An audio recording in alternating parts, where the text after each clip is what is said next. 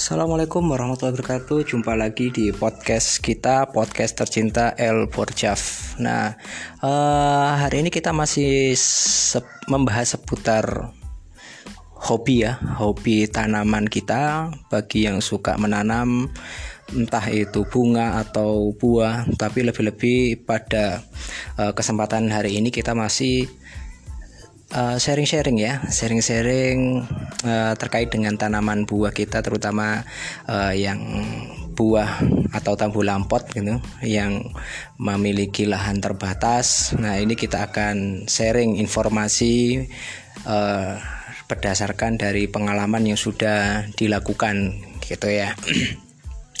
Oke okay, men, uh, untuk kali ini uh, bukan dalam artian saya ingin menggurui atau saya merasa paling pintar. Di sini kita hanya sekedar berbagi informasi, kita belajar bersama dalam satu wadah atau hobi yang sama, yakni menanam tanaman. Uh, ini uh, pada kesempatan hari ini uh, mungkin saya akan membahas sedikit tips and trick ya rahasia agar tanaman buah kita dalam pot cepat berbuah atau menghasilkan dari apa yang sudah kita idam-idamkan entah kalian punya uh, buah uh, bibit buah kelengkeng, mangga, jeruk ataupun yang lainnya terserah. Uh, ketika kita uh, terutama yang memiliki lahan terbatas ya konsekuensi tinggal semisal kita di perkotaan adalah keterbatasan lahan ini salah satu problem utama dari teman-teman uh, semua yang hobi untuk berkebun untuk berkebun pun harus perlu disiasati ya. Misalnya dengan menanam buah dalam pot atau biasa kita sebut dengan tabu lampot.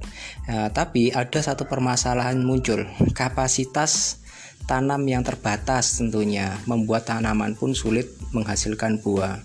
Karena perakaran yang belum maksimal nah ini menjadikan satu permasalahan tersendiri sehingga kita memerlukan perawatan yang lebih mungkin ya baik kita memelihara atau menjaga dari uh, media tanam kita biar tetap baik sehingga harapannya tanaman kita menjadi lebih produktif. Kemudian yang kedua otomatis uh, tentang air, kemudian pupuk dan juga uh, lingkungan yang ada di uh, pot kita itu apakah sudah bersih dan atau belum gitu dari gulma-gulma yang tumbuh di sekitar tanaman kita.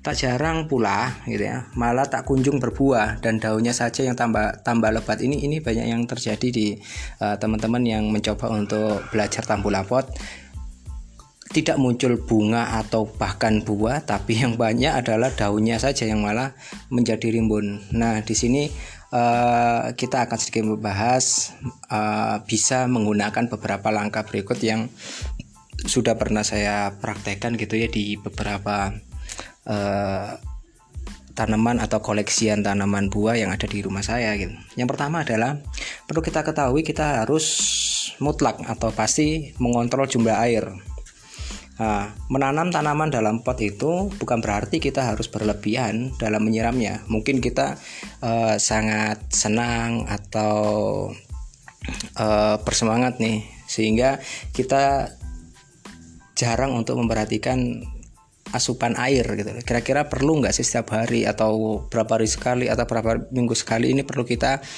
uh, pahami dari masing-masing bibit yang kita tanam.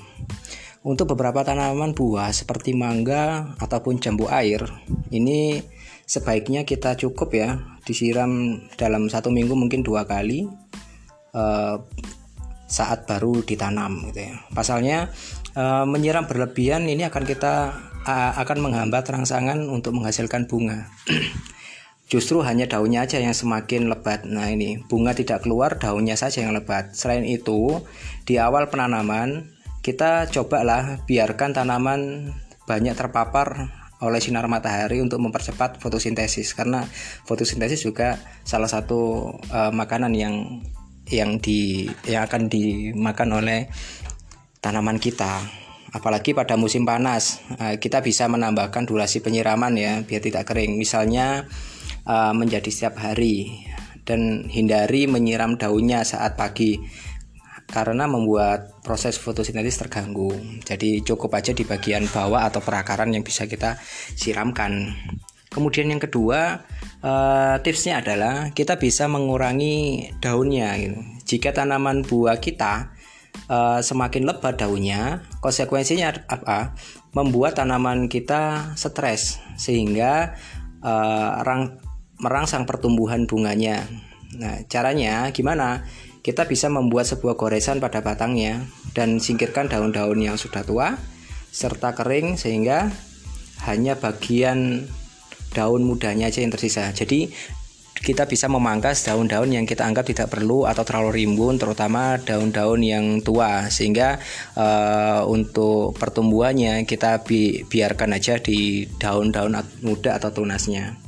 Kemudian tips dan trik yang ketiga adalah kita bisa menambahkan pupuk kandang agar tanah lebih subur.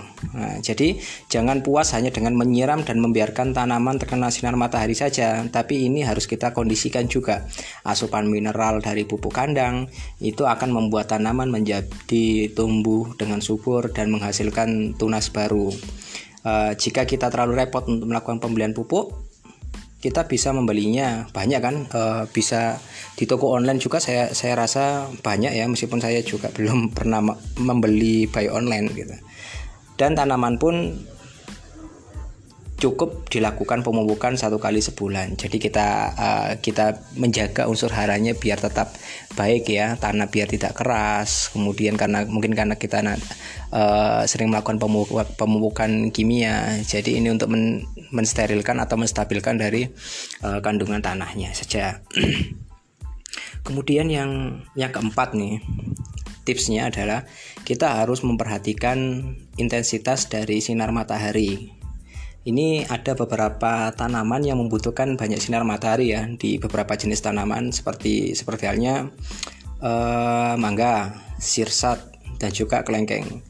Nah, tanaman ini akan bertahan meski sinar matahari cukup terik. Jadi daya tahannya cukup kuat ya. Kelengkeng, mangga, sirsat ini terhadap sinar matahari yang terpapar secara langsung dan juga terik. Namun, untuk tanaman jeruk, apel, cherry, belimbing itu akan membutuhkan sinar matahari dengan uh, intensitas sedang. Jadi tidak secara langsung ya, karena daunnya mudah layu saat panas. Jadi mungkin lebih mudah di tempat yang lebih teduh gitu.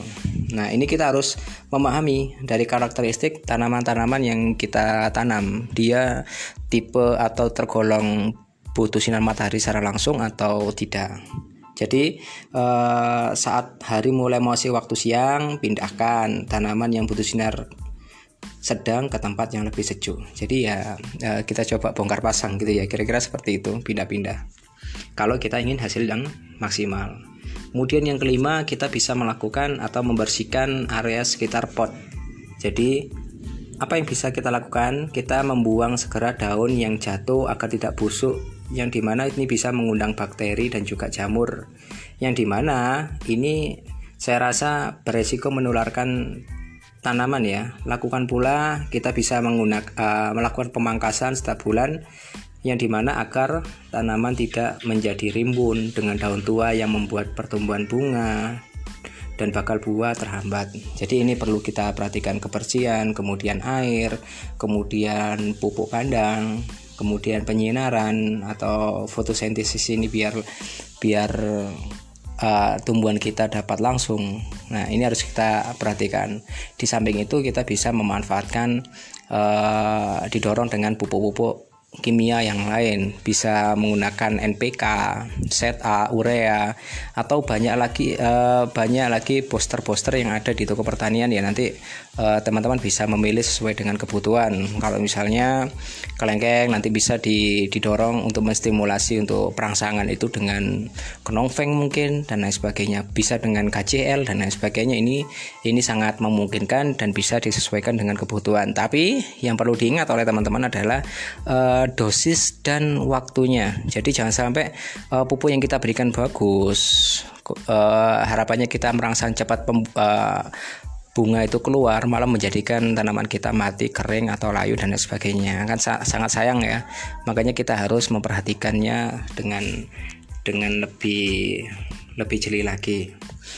Nah mungkin ini saja ya kawan-kawan ya untuk uh, tips dan trik. Nanti kita akan coba uh, belajar tentang memodifikasi pupuk untuk mempercepat bunga itu keluar. Harapannya adalah bunga dari bung dari bunga yang muncul itu menjadi uh, buah yang kita nantikan itu terasa lebih ya sesuai dengan apa yang kita harapkan ketika kita awal menanam. Oke, mungkin ini saja teman-teman. Barangkali nanti ada yang perlu didiskusikan, monggo. Atau silakan kita diskusi bersama-sama. Kita belajar sama-sama dengan satu tujuan adalah kita membuat bumi kita lebih hijau, suasana oksigen atau udara di lingkungan sekitar kita lebih fresh. Nah, otomatis mau tidak mau kita harus membiasakan diri untuk uh, menanam hijau-hijauan, entah itu sayur, bunga, buah dan lain sebagainya. Silakan. Uh, saya kira ini saja. Uh, Assalamualaikum warahmatullahi wabarakatuh.